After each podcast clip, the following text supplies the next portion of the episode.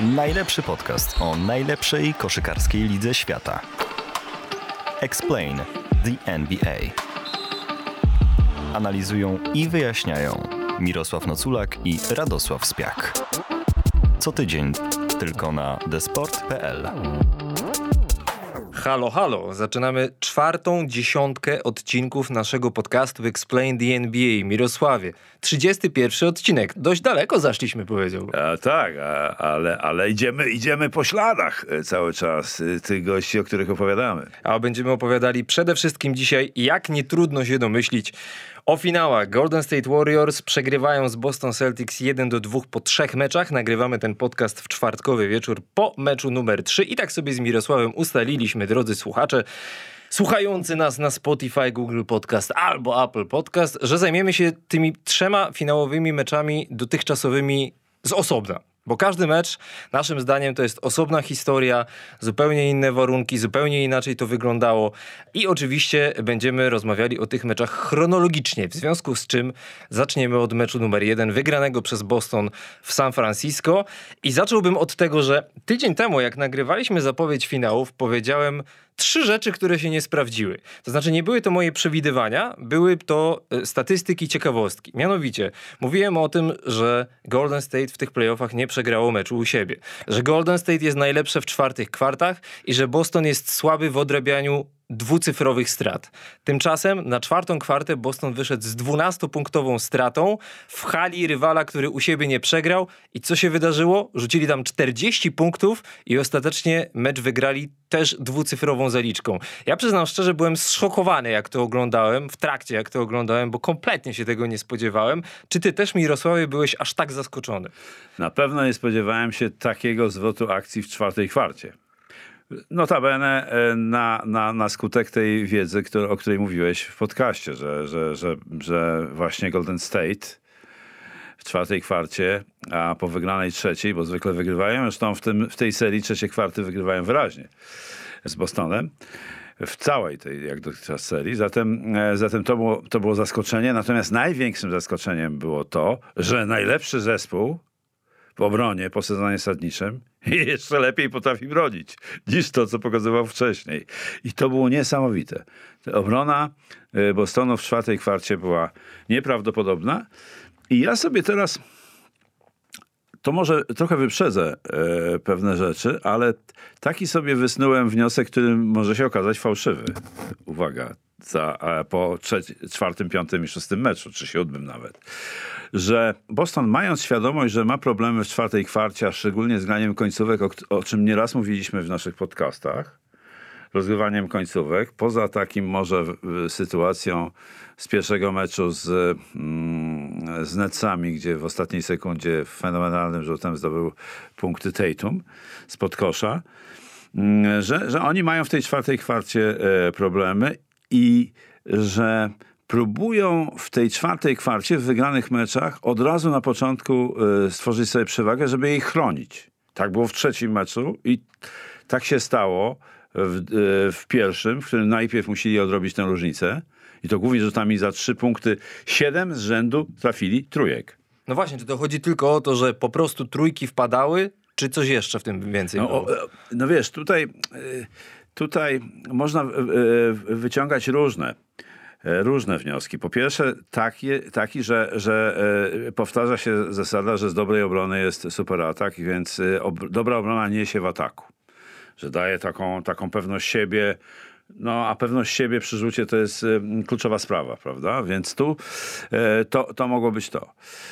Ale też mam wrażenie, że jednak w czwartej kwarcie w tej serii może odgrywać istotną rolę przewaga atletyczna Bostonu nad Golden State. O czym pewnie też jeszcze za chwilę powiemy, bo było to bardzo widać w meczu numer 3. No a w, w meczu numer 1 oprócz samego faktu, że Boston był w stanie odrobić te straty i wygrać ten mecz, bo to się mimo wszystko naprawdę rzadko zdarza, że wchodzisz w czwartą kwartę, zwłaszcza w meczu playoffów, mając dwucyfrową stratę i wygrywasz też dwucyfrowo, bo przecież Boston wygrał ten mecz 120 do 108 i najciekawsze dla mnie było to, że absolutnie najgorszy mecz w tych playoffach zagrał Jason Tatum, czyli lider drużyny. Miał 3 punkty. 3 na 17 z gry, czyli y, skuteczność wręcz koszmarna pod względem punktowym oczywiście najgorszy, no bo miał też 13 asyst. Otóż to. I w ogóle te, jak to się zwykło określać, skip pasy, te takie zwód, wejście w pole 3 sekund, odrzucenie, rzut lub ewentualnie znowu zwód, znowu wejście i znowu odrzucenie, to większość tych trójek w czwartej kwarcie wyglądała właśnie ten, w ten sposób, że to nie było kozłowanie, jakieś granie jeden na jednego, czy to tej Tuma, czy Brauna, tylko to było rozrzucanie piłki do środka i na zewnątrz, potem jeszcze ewentualnie po bokach i Derek White i Al Horford łącznie 11 na 16 za 3. E, w ogóle, bo w, w, tym, w tym meczu e, oczywiście padały rekordy. 40 trójek trafionych przez, przez obydwa, obydwie ekipy. No to, to jest... To Rekord jest, finałów. rekord finałów i to jest znak. To jest znak czasów, na, niewątpliwie. Ale e, szczególnie chciałem zwrócić uwagę na, na ten rzut Derricka White'a przy remisie. 103-103 bodaj był taki remis i Derrick White naciskany gdzieś w okolicach 8 metra nieprawdopodobnie chyba przez Kleja Thompsona trafia y, z wiszącym na nim obrońcą. Nieprawdopodobny strzał i potem dwie truje Horforda, dwójka Horforda i jeszcze faul, y, rzut z faulem spod kosza y, i celny do- rzut wolny Horforda. Horford zagrał fenomenalnie w tym spotkaniu. To był w ogóle rekord dla gracza debiutującego w finałach, jeśli chodzi o liczbę celnych trójek. Mówię o Horfordzie z kolei. Sześć, tak? Sześć, natomiast Tatum e, rekord kariery, jeśli chodzi o asysty, czyli 13. Natomiast myślę, że tak trochę nie do końca została e, doceniona rola Peytona Pritcharda w tym meczu, bo oprócz tego, że w 15 minut miał linijkę 8-6-2 i z nim na boisku Boston był plus 14, to moim zdaniem Pritchard dość dobrze bronił Stefana Karego, tak ogólnie. Ale y, nie do końca zgodzę się z tobą, że był niedoceniony. Okej. Bo zwróć uwagę na jedną rzecz. Że dobrze grający Smart w czwartej kwarcie prawie nie grał, dlatego że, że świetnie grał Pritchard. Znaczy chodzi mi o to, że może w takich relacjach pomeczowych, w rozmowach o tych się mówiło o tym, że właśnie White, że Horford i tak dalej, a ten Pritchard tak trochę O przeszedł nim się jeszcze długo, o, długo się o nim nie będzie mówiło w relacjach pomeczowych, a jest to bardzo ważny zawodnik w rotacji e, e, imię Judoki albo Udoki. I w meczu numer jeden, jeśli chodzi o tych graczy e, rezerwowych Bostonu, Daniel Tice zagrał niecałe 6 minut, rzucił jedną celną trójkę. Od razu też wyprzedzę, w meczu numer 3 na przykład w ogóle go nie było na boisku. Zrezygnował z niego trener Ime A Judoka. powiem ci dlaczego. Jestem bardzo ciekawy, co E. Tutaj, tutaj jest historia bardzo ważna o roli Kerego w tych, e, w tych finałach, prawda? O tym będziemy też pewnie osobno mówili, ale mają e, Bostończycy problem z obroną e, na pick, przy pick and rollach, e, których, z których korzysta e, e, Steph Curry. On po prostu, oni, część z nich broni tak zwanym dropem, dropują, jak to e, można spolszczyć. Szczególnie robi to Robert Williams, ale w tym meczu drugim zrobił to Tajs w momencie, kiedy jeszcze była szansa na, e, na, na włączenie się do, do walki, bo przecież po pierwszej połowie drugim meczu było całkiem całkiem. Natomiast y, on znowu on zdro, zdropował i nie jeden z nielicznych y, manewrów Kerego w prawo y, przy korzystaniu z zasłony, o tym też jeszcze powiemy, zupełnie niekryty Kerry spokojnie sobie przymierzył, poprawił pozycję walną i myślę, że Tajs po prostu, Judoka uznał, że on się nie nadaje do obrony przy pick and rollu, gdzie bierze udział jako obrońca. Więc y, to może być moim zdaniem główny powód. Ostatnia rzecz, jeśli chodzi o tę już w tym momencie chyba legendarną czwartą kwartę meczu numer jeden.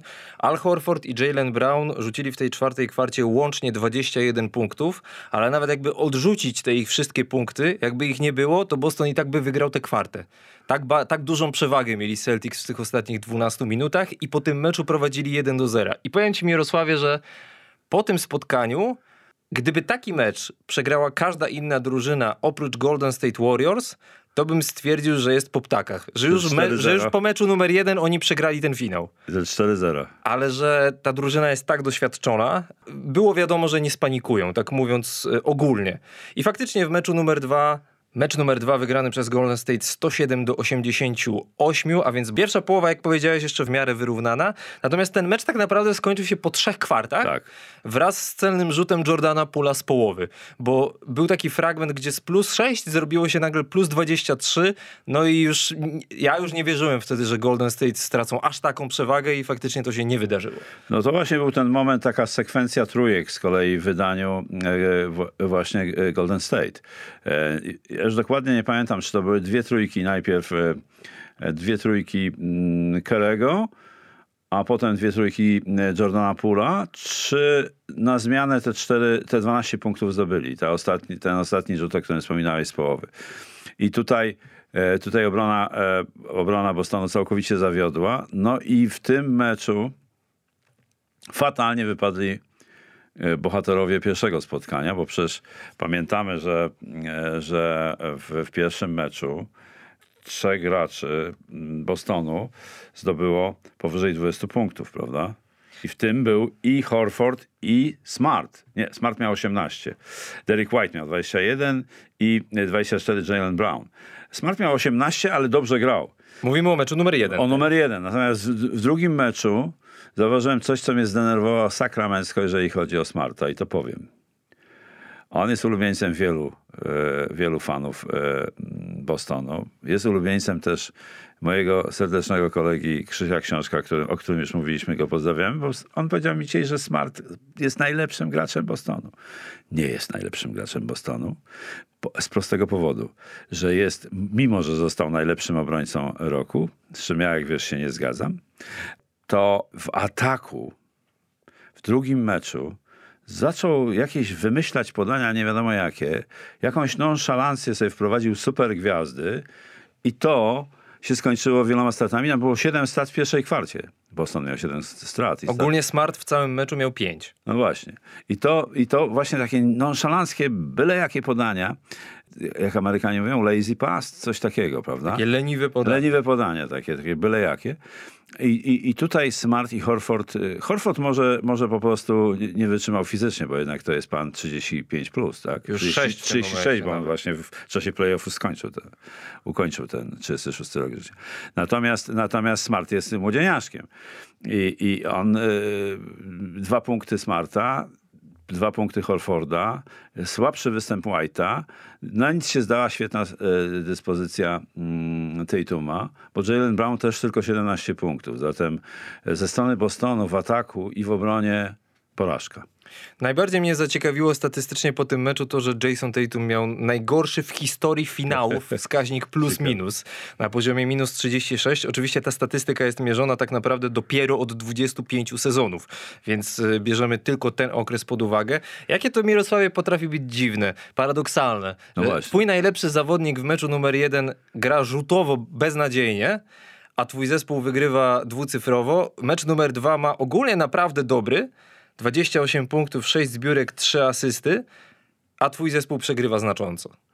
No to jest, e, to właśnie jest, to, to są właśnie statystyki, którym, którym trzeba tak troszeczkę, które trzeba troszeczkę potraktować moim zdaniem z dystansem. Ja, ja to tak, tak uważam, ale, ale są ważne, bo one, one jednak e, pewne rzeczy pokazują i ilustrują, nie ma o czym mówić. Natomiast Golden State w tym meczu i tak w pierwszej połowie mogło spokojnie prowadzić wysoko, bo tam było tak dużo nietrafionych layupów spod kosza. I to po Mówisz dobrych drugim, rozegraniach cały- piłki. już, tak, tak. I, I to po dobrych rozegraniach piłki. Czy to Curry, czy to Thompson, czy to Andrew Wiggins, który tam było takie, takie fajne ustawienie, że po słabej stronie była, były dwie zasłony stawiane dla Kleja Thompsona i dzięki temu po stronie silnej Wiggins mógł spokojnie grać jeden na jednego, wchodzi pod kosz i jakiś taki beznadziejnie dziwny rzut oddaje, gdzie piłka do kosza nie wpada.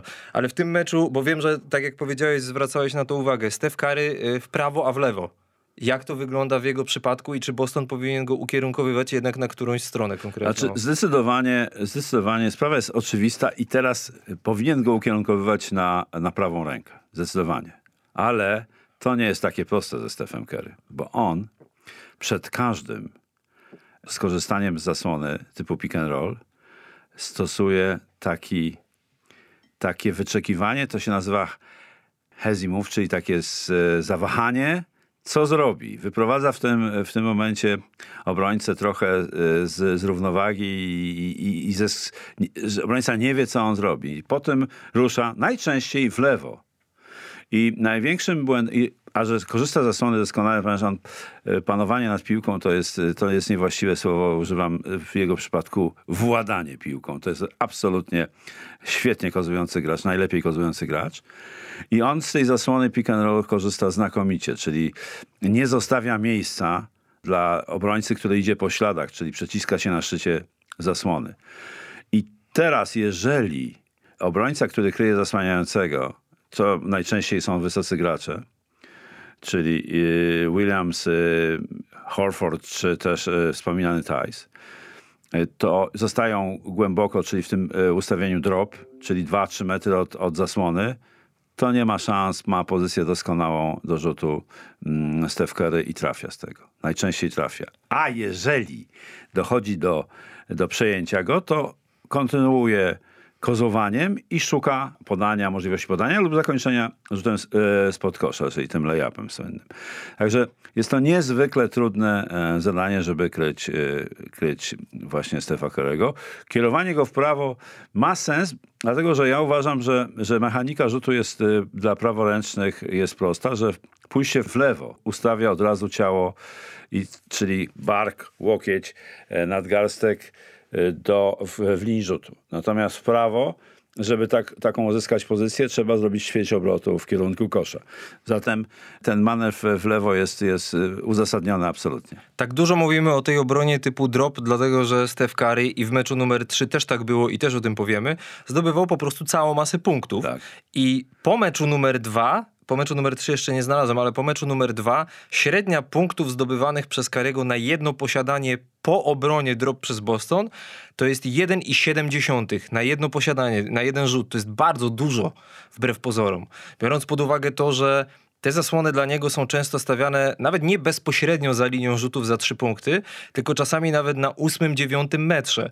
To chyba właśnie w meczu numer dwa była taka akcja, gdzie Tice, który w tym meczu jeszcze grał 15 minut, więc no 14,5, więc naprawdę sporo jak na niego. Niby był dobrze ustawiony do obrony drop, bo był przed linią rzutów za trzy punkty, wyszedł trochę wyżej, ale to i tak nie miało kompletnie żadnego znaczenia, bo Kary potrafi te rzuty trafiać spokojnie z ósmego, jak nie nawet dziewiątego metra, a czasami i nawet z dziesiątego. Więc ten środkowy musi być bardzo mobilny, no i mieć dobry zasięg ramion, jeśli, jeśli ta obrona ma tak wyglądać. Natomiast trochę się dziwię mimo wszystko i do tego za chwilę dojdziemy, że w meczu numer 3 ta obrona wciąż tak wyglądała. No ale Boston ten mecz numer 3 wygrał, za chwilę o tym porozmawiamy. To, co chciałem powiedzieć jeszcze o meczu numer 2, to jak bardzo Andrew Wiggins walczył o niezamienianie krycia przy tej tumie, kiedy były dla niego zasłony. Jak będziecie, jeśli będziecie oglądali jakieś urywki z tego meczu raz jeszcze, to y, polecam zwrócić uwagę, jak Wiggins przeciska się przez te zasłony, jak Golden State starają się nie switchować i ogólnie przy obronie Wigginsa, czy w całościowo w meczu, Tatum spudłował więcej rzutów za dwa punkty niż za trzy, właśnie ze względu na to, że nie miał tyle miejsca, żeby wejść pod kosz po zasłonach. Już nie było aż tak dużo Stephena Curry'ego przed nim, już nie było tak dużo Jordana Pula przed nim, bo po prostu Wiggins wykonywał bardzo dobrą robotę w obronie. Świetny obrońca Wiggins i, i potwierdził to e, w serii z Dallas, kiedy wyłączył Doncicza. A propos tych strat, o których mówiłeś, e, Markusa Smarta, mnie najbardziej uderzyło to, że spora część z tych y, strat kończyła się przechwytami. Że to nie były złe podania w drugi rząd trybun albo gdzieś tam w nogi, tylko po prostu przechwyt, kontra, trójka, layup i w ten sposób Golden State. No powiedzmy sobie szczerze, już w drugiej połowie ten mecz był wygrany tak naprawdę po trzech kwartach. Po tym rzucie Jordana Pula. I ostatnia rzecz, którą mam do powiedzenia na temat meczu numer dwa. E, Nemanja Bielica dostał swoją szansę i moim zdaniem zagrał naprawdę nieźle przez te 10,5 minuty. Miał 6 punktów, 5 zbiórek. Czy grałbyś nim więcej?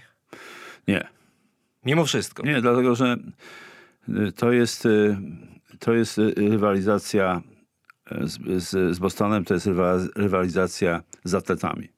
Nemanja Bielica od dawna atletą nie jest. Ale jak grał w tym meczu numer dwa, jeszcze w przeciągu, kiedy ten mecz był w miarę wyrównany, to bronił całkiem nieźle. No, w obronie może dać radę, bo e, w, w, krótkim, w krótkim czasie, tak, ale on ma, on ma, ma no, odstaje atletycznie, motorycznie od, od, od e, graczy Bostonu i myślę, że dlatego Nemanja za dużo nie gra. Clay Thompson z kolei, o którym ja mówiłem, że będzie kluczem do, do końcowego, ewentualnego sukcesu Golden State Warriors, po dwóch meczach miał 30% skuteczności z gry i tylko 26% skuteczności za trzy. Dla mnie było oczywiste, że jeśli Golden State ma wygrać w Bostonie, to Clay Thompson musi zagrać zdecydowanie lepiej i faktycznie zagrał lepiej. 25 punktów, 5 celnych trójek. Skuteczność może wciąż nie najlepsza, bo na poziomie 41%, ale mimo tego, że dwóch najlepszych strzelców Golden State, czyli Curry i Thompson, łącznie 56 punktów, to, i tu, Nie już, i tu już przechodząc do meczu numer 3, Boston zwyciężył 116 do 100. Wydarzyło się to, o czym mówiłem tydzień temu. Nie ufam wciąż, nie ufam Bostonowi w kwestii trzymania wysokich przewag. W pierwszej połowie było nawet plus 18, w drugiej połowie Golden State wyszło na prowadzenie, ale akurat w momencie, jak wyszło na prowadzenie, Boston nie powinno się tak mówić, używać tego słowa, ale no nie spanikował, tylko widać było, że oni wiedzieli, co mają grać, żeby wygrać. To nie było takie, co my teraz zrobimy, straciliśmy tak dużą przewagę, tylko widać było, że mają plan działania mimo wszystko. Nawet jak coś się posypało. No Właśnie y, to jest, y, to jest, tu jest ciekawa, ciekawa sytuacja, że, mm, że im Judoka y, w tym meczu w zasadzie, jeżeli chodzi o rotację, nie popełnił żadnego błędu. Znakomicie rotował zespołem i świetnie grał w pierwszym, no świetnie, trochę, trochę gorzej niż w pierwszym meczu e, Derek White, ale w drugiej połowie, szczególnie w czwartej kwarcie, znakomicie zagrał Grant Williams i on znowu zrobił to samo, co w pierwszym meczu. To jest bardzo ciekawe. To jest do, do, dojrzały sposób prowadzenia drużyny i oparty y, na dużym zaufaniu do graczy. Że mimo, że Grant Williams nie grał rewelacyjnie do tej pory, to y, w tym meczu akurat, w czwartej kwarcie grał znakomicie i zostawił go na boisku. Nie wpuszczał już Derricka White'a, więc takie, to, to są takie, jest mnóstwo takich drobiazgów, które wpływają na ten przebieg tego finału. E, dla mnie jest fascynujący. Dla e, wielu ludzi, z którymi rozmawiam, ten finał, e, tych, ten finał ich nie wkręca. Ciągle są jeszcze w epoce Jordanowskiej. To jest mm, nieporozumienie. To, to, to, to się nie wróci. To już nie będzie takiej koszykówki. To se nevrat. To są rewelacje, jak mawiają nasi południowi sąsiedzi. Zatem trzeba bardzo się e, uważnie przyglądać temu, co się dzieje e, w dzisiejszej koszykówce. Ona jest sakramencko inna niż niegdysiejsza. To, co moją uwagę zwróciło przede wszystkim w meczu numer 3, to jest to, jak Boston wykorzystywał swoją przewagę fizyczną jednak. I to jest decydująca sprawa. 22 punkty z ponowienia, 52 punkty z pomalowanego, 15 zbiórek w ataku. Boston w meczu numer 3 miał dwa razy, dosłownie dwa razy więcej punktów z pola 3 sekund niż Golden State, 52 do 26 i o 28 punktów więcej niż w meczu numer 2. Jak to trzy dni potrafią bardzo, bardzo dużo zmienić. I moje pytanie, Mirosławie, do ciebie jest takie. Skoro ta przewaga fizyczna jest tak widoczna, jak w meczu numer 3, bo ona tam jest, tylko pytanie, czy Boston jest w stanie ją wykorzystać, to co może zrobić Steve Kerr i co ogólnie może zrobić Golden State, żeby tę przewagę fizyczną jakoś starać się chociaż zrównoważyć? Co, Kuminga? No tak, mo, ja, ja, ja, ja pamiętasz, że mówiłem, e, że jak pytałeś o to, kto będzie, kto będzie takim zaskoczeniem w tych, tych finałach, to wymieniłem... To Damian Podawca pytał nasz słuchacz, to, To- przypomnijmy. Tak, tak, tak, Damian Podawca, rzeczywiście. I, e, I myśmy ten temat po- podjęli i to było... Ja uważam, że, że Kuminga może być e, takim zawodnikiem, który coś wniesie. Natomiast Steve Kerr skorzystał z Bielicy, bo liczy się doświadczenie, ale moim zdaniem to doświadczenie niesamowite, ogromna przewaga w tej, w tej mierze Golden State jest całkowicie e, bilansowane, równoważone atletyzmem Bostonu, który jest, wiesz, ja, ja sobie taki, pozwoliłem sobie na taki, e, w rozmowie dzisiaj z jednym e, z kibiców, pozwoliłem sobie na taką, na taką uwagę, że mm, parametr atletyzmu można by z, z, zmierzyć w ten sposób, że podzielić to przez średnią wieku. No i ten, Aha. i ten wskaźnik atletyzmu jest po której stronie wiadomo, po stronie Bostonu. I, i, I z tym mogą mieć problem Golden State, z, właśnie z tym, z tym atletyzmem. Steph Curry, który miał dwie, dwa faule w pierwszej kwarcie, potem grał z czterema. Świetnie wykorzystywali to, e, to gracze Bostonu. I teraz jest taki gracz, o którym już mówiliśmy. Marcus Smart, który jest piekielnie silnym graczem. I on, mimo że ma 1,90 m, ma 91, 2, ile on tam ma wzrostu? Coś takiego, nie? To on znakomicie... 193. 190 Pewnie w butach. buta. Inaczej Amerykanie nie mierzą i słusznie. Przecież nie gra się boso. Chyba, że.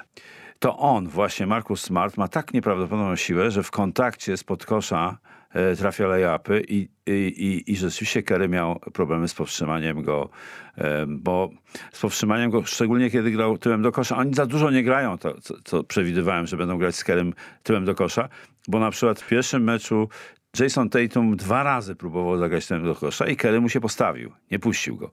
Więc tych sytuacji nie ma za dużo, ale myślę, że właśnie czwarta kwarta to jest nie tylko e, to, o czym mówiliśmy wcześniej, ale możliwe, że tutaj wchodzi w rachubę przewaga jednak e, siły motoryczności po stronie Bostonu. Nemanja Bielica w meczu numer 3 zagrał tak naprawdę tylko 3 minuty 27 sekund. Andrzej Gudala zagrał 2 minuty 9 sekund. Jakby Steve Kerr szukał jeszcze dodatkowego rozwiązania właśnie na pozycji tak. 3-4, ale, kum, ale Kuminga grał tylko w tej samej końcówce, kiedy już wszystko było rozstrzygnięte. Tak. Dlatego zastanawiam się, czy, czy będąc na jego miejscu, mimo wszystko na, na tak młodego zawodnika bez doświadczenia byś postawił. Znaczy to jest e, tutaj, e, myślę, że, że sztab e, Golden State y, o tych sprawach rozmawia, o których my mówimy z daleka. O tej przewadze atletyzmu. I gdzieś trzeba szukać tego, e, tego zrównoważenia. A i Kuminga, i Moody to są w stanie, y, to, to wnieść do, do gry Golden State. Patrzę jeszcze na to, e, ile grał Kevin Looney w meczu numer 3 i grał tylko niecałe 17 minut, co oznacza, że przez większość meczu Golden State grali niskim składem. Tak. No to jak się gra niskim składem, no to nic dziwnego, że e, Boston miał aż taką przewagę na tablicach, tak patrząc po prostu na zbiórki 47 do 31, czyli naprawdę ogromna różnica jak na ten poziom.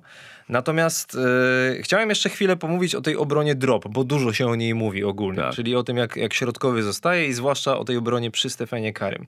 A co jeśli założeniem Bostonu, bo widzisz, mnie zastanowiło to, skoro ta obrona nie działała, zwłaszcza w meczu numer dwa, to dlaczego w sytuacji, kiedy Golden State odrabiało straty i nawet wychodziło na prowadzenie w meczu numer 3, cały czas ta obrona funkcjonowała?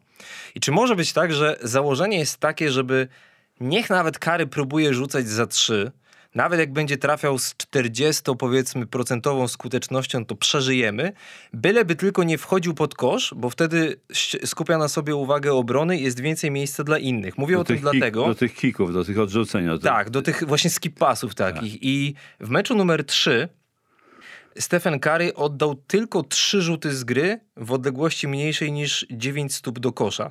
A w meczach numer 1 i 2 miał łącznie 12 takich rzutów. W meczu numer 3 tylko 3. Więc czy jest możliwe założenie takie, że no ta obrona drop nie jest idealna, delikatnie mówiąc, ale przynajmniej trzyma Karego od wchodzenia pod kosz i od tego, żeby ta obrona, jak to się mówi, tak kolaps, czyli tak się zapadała do środka. No tak, taka, taka opuszczana obrona. To może być takie założenie. I czy ono nie jest zbyt ryzykowne? Jest ryzykowne, ale czy e, policzyłeś, jakie, jak, jaki procent e, zrzutów oddawanych przez e, Kerego stanowi całość, całości rzutów Golden State? Bo w pierwszym meczu było prawie 30%. Czyli... Kary, Kary w meczu numer 3 oddał 22 rzuty z gry na 78 zespołu, czyli to jest 28%. 28% utrzymuje się w tej liczbie. I to może być korzystne dla obrony, że on zabiera grę innym. Thompsonowi, zabiera grę Pulowi, zabiera grę Wigginsowi, zabiera grę Porterowi. Czyli zagrożenie tak naprawdę sprowadza się do y, tylko jednego y, Stefa Kerego w cudzysłowie oczywiście, bo nie jest tak dokładnie, ale ono jest jakby, y, y, jakby Boston skupiał się na tym, żeby on wykonywał jak najwięcej rzutów. Także ta, to twoje przypuszczenie jest bardzo prawdopodobne, że tak myślą e, e eksperci, którzy prowadzą mecz e, drużyny Bostonu. No i przy okazji jeszcze tej obrony drop e, mimo wszystko tak jak podkreślam, mimo tego, że nie była przesadnie skuteczna, to jednak widać różnicę, kiedy na boisku, i tu bardzo chcę go pochwalić, jest Robert Williams w meczu numer 3, 8 punktów, 10 zbiórek, 3 przechwyty, 4 bloki, bo jak Al Horford albo Daniel Tice jest na pozycji numer 5 i oni grają ten drop, no to Kary ma bardzo duże pole widzenia i ogólnie bardzo dużo miejsca. I nawet jeśli Williams nie jest w stanie przeszkodzić Karemu w samym oddaniu rzutu, to ta jego skoczność i zasięg ramion mimo wszystko moim zdaniem trochę przeszkadzają, że jak ten Williams tam jest i oni grają ten drop, to jest zupełnie inna sytuacja niż jak tam jest Horford, ja już nie mówiąc o Tajsie. Ale z wyjątkiem e, czwartej kwarty w pierwszym meczu, bo No, Horford, no tak. bo Horford wtedy zrobił, ja to No nazywam tak, ja teraz, ja teraz mówię o obronie oczywiście, tak. e, Horford w obronie właśnie w czwartej kwarcie, e, gdy zmienił e, Williamsa, to stosował, ja to nazywam tak roboczo, short drop. Czyli nie, nie schodził zbyt głęboko, daleko w pole 3 sekund, czyli na odległość w tym wypadku 3 metrów i trochę, tylko był e, półtora metra i w takiej gotowości, żeby zatrzymać i wypchnąć e, Kerego. To było tylko w czwartej kwarcie e, pierwszego meczu. Było skuteczne. Kerry już był zmęczony i nie radził sobie z tym. Zatem ta taktyka krycia pick and rolla, z którego korzysta e, Kerry, jest dosyć e, zagadkowa i skomplikowana, jak z tego e, wynika, co my mówimy. No, kiedy Al Horford, y, pociągnę ten wątek króciutko, pojawił się na boisku w czwartej kwarcie meczu numer jeden, bo o tym mówisz, Boston przegrywał czterema punktami, jak schodził, to Boston wygrywał 15. I, i, w, i w tym momencie to tu zostawię. Tak. E, co mam jeszcze do dodania na temat meczu numer 3 i ogólnie, wydaje mi się już tak bardziej całościowo na temat tej serii. Wiesz, jaka jest skuteczność y, rzutowa Kleja Thompsona w sytuacji, w tej serii oczywiście, kiedy oddaje rzuty po koźle, a kiedy oddaje catch and shoot? 30% do 42%. Kiedy kozłuje, 12 punktów procentowych mniej. Właśnie mm, to, na, to chciałem, na to chciałem też zwrócić uwagę, że Clay Thompson stosuje zupełnie inną, inną metodę niż Kerry, bo on jest po prostu gorzej kozujący niż Kerry i główne zagrożenie z jego strony jest po tak zwanych pin downach, czyli zasłonie, która idzie powiedzmy ze skrzydła 45 stopni w kierunku linii końcowej, z której on wychodzi, łapie piłkę i wali. I to jest, y, i to jest najgroźniejsze. Również tako, taką zasłonę stosują w poprzek boiska e, że on e, e, wykonuje taki, taki prawie, że curl na, na zasłaniającym, dostaje piłkę i to jest ułamek sekundy, składa się do rzutu i trafia. Dlatego to są dwa różne rodzaje ata- ataku, e, kt- które mają w arsenale, e, mają, mają właśnie Golden State i neutralizowanie tych dwóch e, elementów to jest największa zmora chyba dla sztabu, sztabu mm, Bostonu. No to jeszcze kilka ciekawostek statystycznych. Draymond Green w tych O Jezus bo bo o nim jeszcze nie mówiliśmy. Ma więcej fauli niż punktów, Tak jest. ma więcej przewinień technicznych niż celnych trójek i ma więcej strat niż celnych rzutów. I najciekawsze dla mnie jest to, że obrona Golden State, tyle się mówi, że Draymond Green jest tą ostoją obrony Golden State, tak. Tak. Że ta obrona jest tak dobra, przede wszystkim dzięki niemu, no bo e, Curry i Thompson to są głównie gracze ataku. Oczywiście w tym roku doszedł jeszcze Wiggins, Kevin Looney i tak dalej, ale zawsze się mówiło o Greenie jako o tej centralnej postaci obrony Warriors. W tych finałach rating defensywny Golden State z Draymondem Greenem na boisku 113,6 punktu traconych na 100 posiadań, z Draymondem poza boiskiem 105. Czyli bez niego Osiem- o osiem. 8 punktów lepiej. Oj, to dużo jest. Jak to jest w ogóle możliwe? Znaczy, to jest możliwe dlatego, że Draymond Green gra przede wszystkim aktora w tym meczu, a nie, nie, nie zawodnika koszykówki. Ciągle dyskutuje z sędziami, że go nikt jeszcze nie porządnie nie przypucował, mówiąc kolokwialnie, tego gościa, bo on zasługuje na to.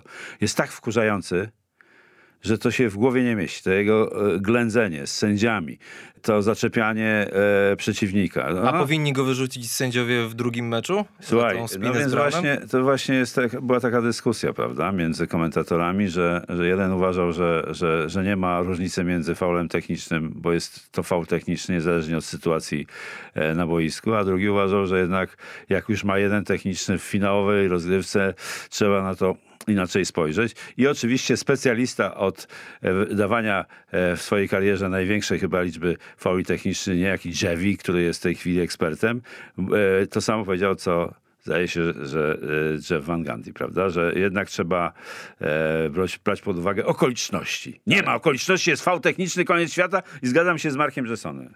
Tak, Mark Jackson właśnie... I powinien nie wylecieć, koniec, kropka. Ostatecznie wyleciał z, z meczu numer 3, aczkolwiek nie ze względu na przewinienie techniczne, tylko, Tylko po prostu sześć sześć przewinień. Ja Natomiast- lubiłem tego no, Greena, ale tak się zmanierował, że, że naprawdę nie da się go oglądać. Ale wiesz co, bo moim zdaniem, bo też była dyskusja, czy Boston powinien się w to wdawać, czy powinien go prowokować, czy powinien go omijać, czy powinien zwracać na to uwagę. Moim zdaniem, jeśli się komuś wydaje, że po tym, jak to się zrobi, jak ten temat zrobił się głośny w mediach, czy Green powinien wylecieć, czy sędziowie powinni bardziej na niego reagować, ja nie wierzę w to, że on się zmieni.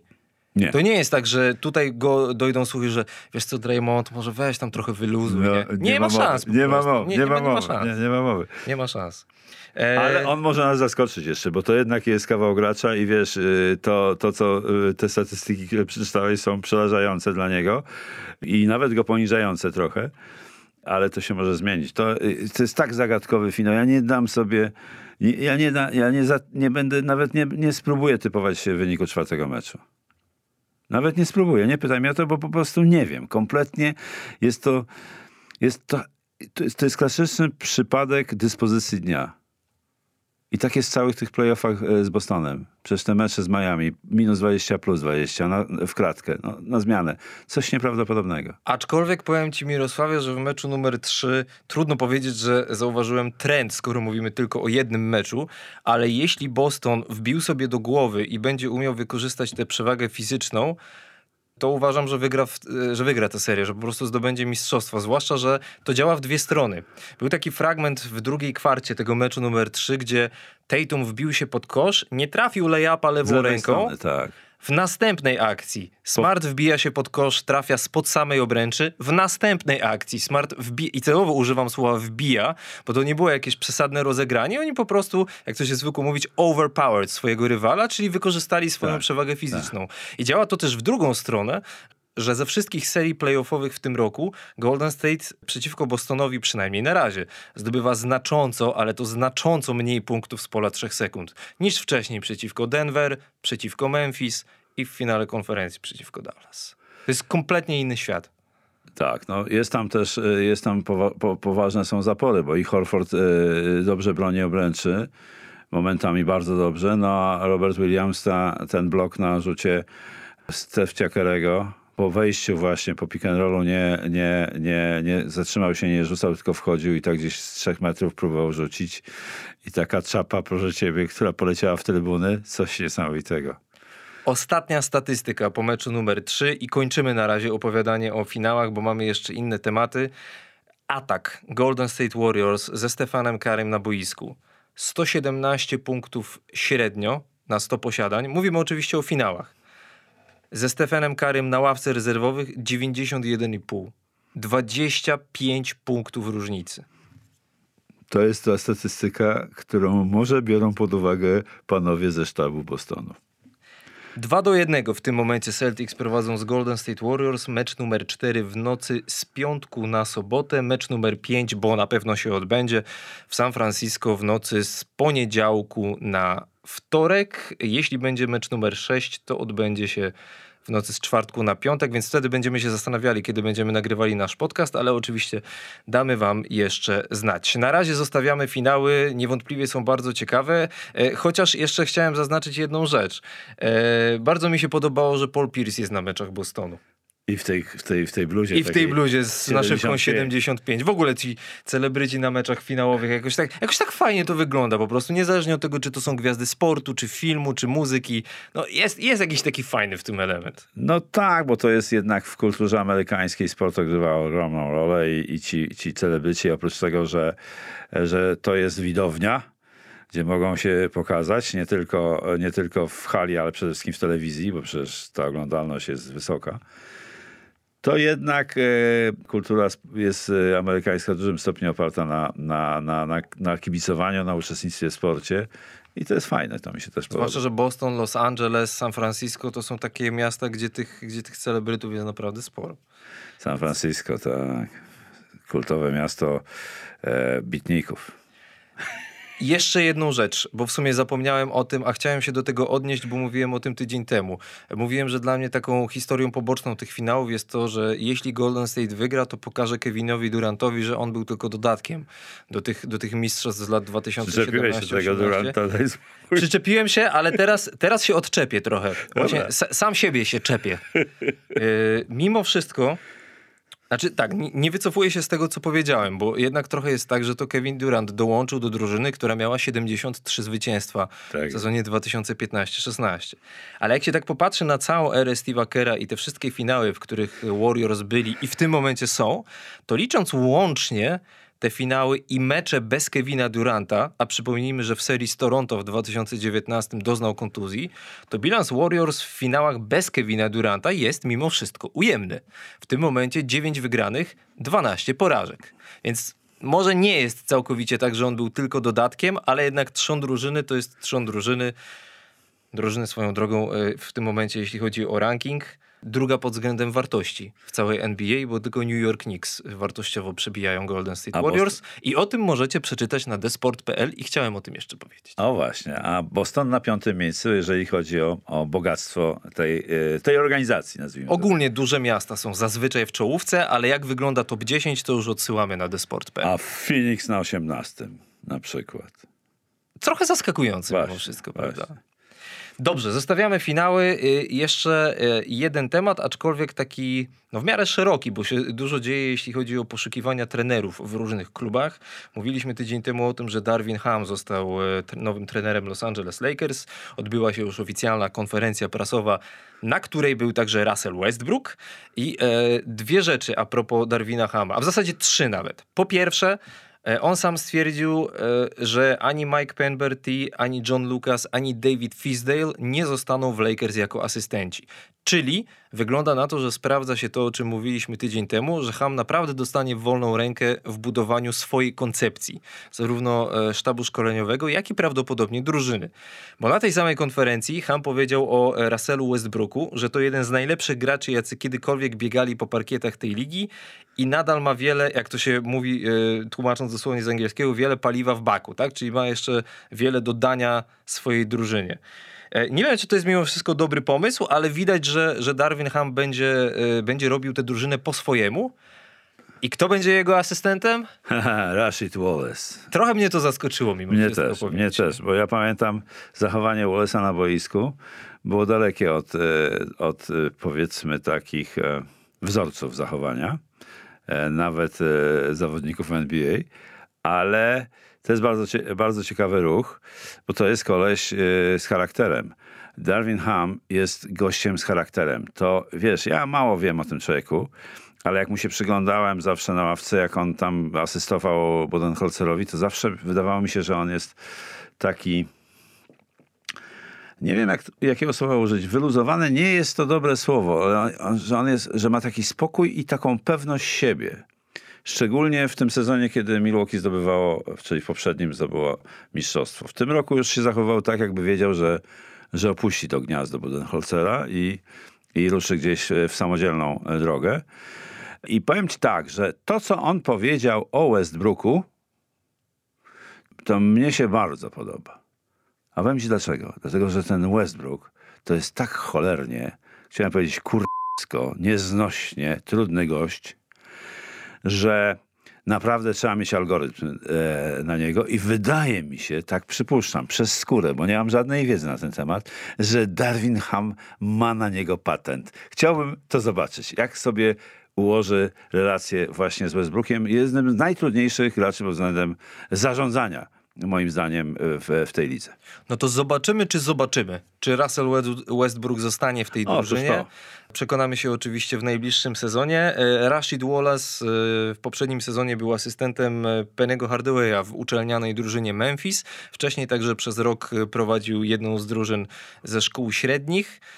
Swoją drogą ciekawe, chciałbym zobaczyć Rashida Wallace'a prowadzącego młodych chłopaków ze szkoły średniej, ale trzeba też zaznaczyć, że Darwin Ham i Rashid Wallace przecież bardzo dobrze się znają z czasów Detroit Pistons, kiedy obaj zdobywali mistrzostwo. To już było, to, to już było 18 lat temu. 2004. a, e, Udział, to już mówiliśmy, Darwina Hama był skromny, natomiast Rashida Wallace'a znaczący.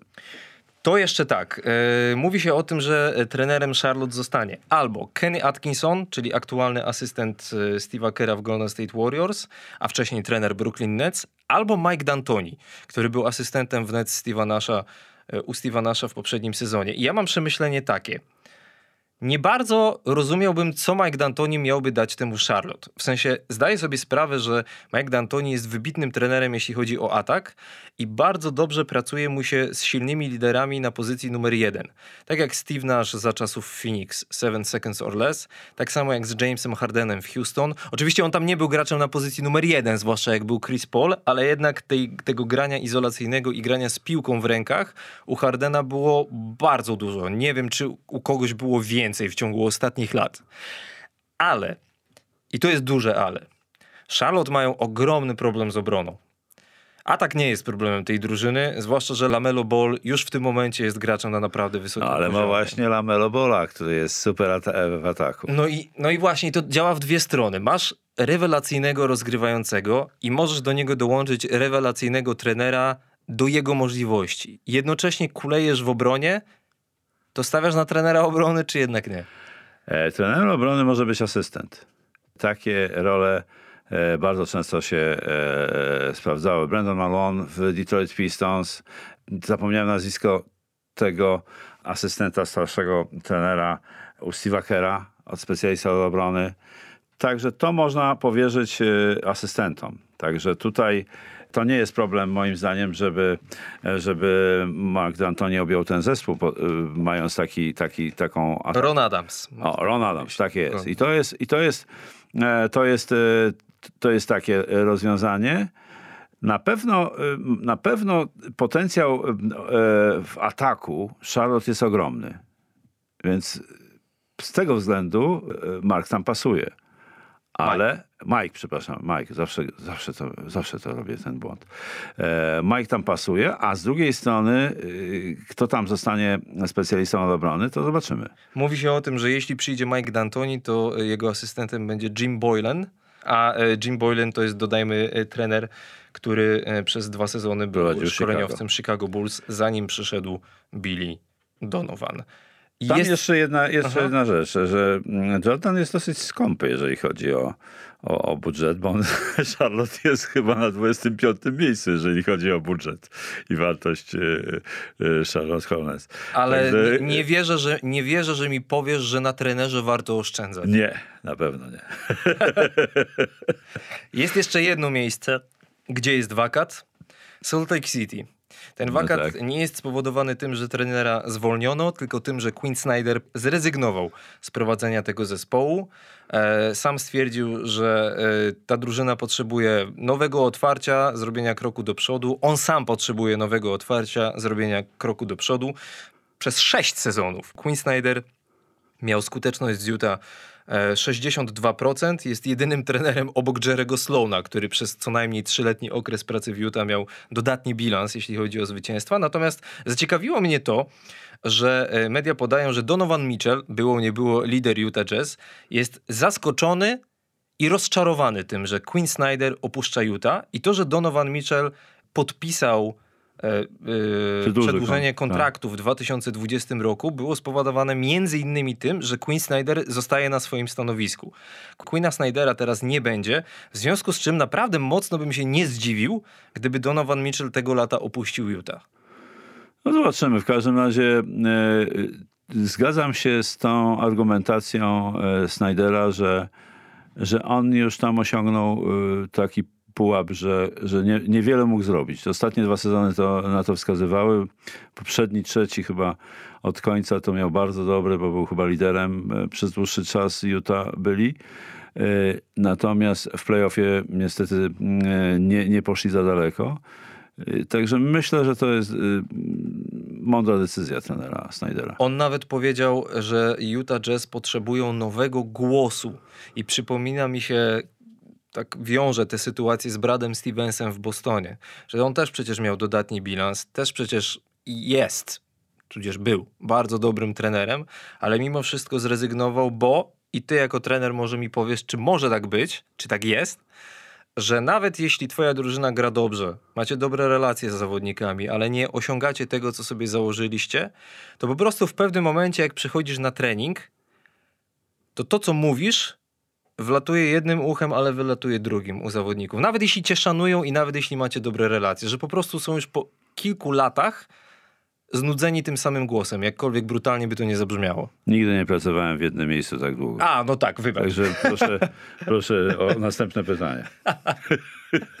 Ale swoją drogą, a wiesz, bo mnie to ciekawi, autentycznie mnie to, ciekawi. Czy, to, czy, tak to, jest, to jest możliwe. Że potrzebny jest ktoś inny, kto, kto trochę mocniej przyciśnie tych zawodników. Nie, no najdłużej pracowałem w 6 lat e, w 3 na 3 i wcale mi się nie znudziło, no ale były inne powody, że przestałem pracować. Ale to jednak zupełnie inna specyfika pracy jest, wydaje mi się. A, inna, ale ciągle trenerska. No oczywiście, to na pewno.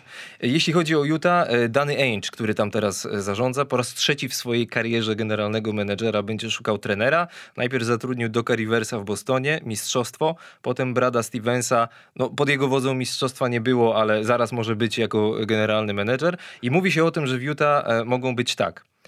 Asystent w New York Knicks Johnny Bryant, asystent w Milwaukee Charles Lee, asystenci Bostonu Will Hardy i Joe Matsula, o których nie wiemy zbyt wiele, i Terry Stotts ewentualnie, czyli były trener Portland. I Tak. podobno, podobno, głównym kandydatem na ten moment jest 36-letni e, Johnny Bryant, asystent w New York Knicks, a jest głównym kandydatem dlatego, że przez kilka lat był już asystentem Queena Snydera w Utah i że zbudował sobie bardzo dobrą relację z Donovanem Mitchellem. Odszedł z Utah Jazz do Nowego Jorku e, dwa sezony temu, Natomiast podobno Donovan Mitchell go bardzo ceni i skoro jest rozczarowany i zdziwiony tym, że Snyder odszedł, to może zostanie w tej drużynie, nie będzie żądał wymiany, jeśli przyjdzie właśnie Johnny Bryant.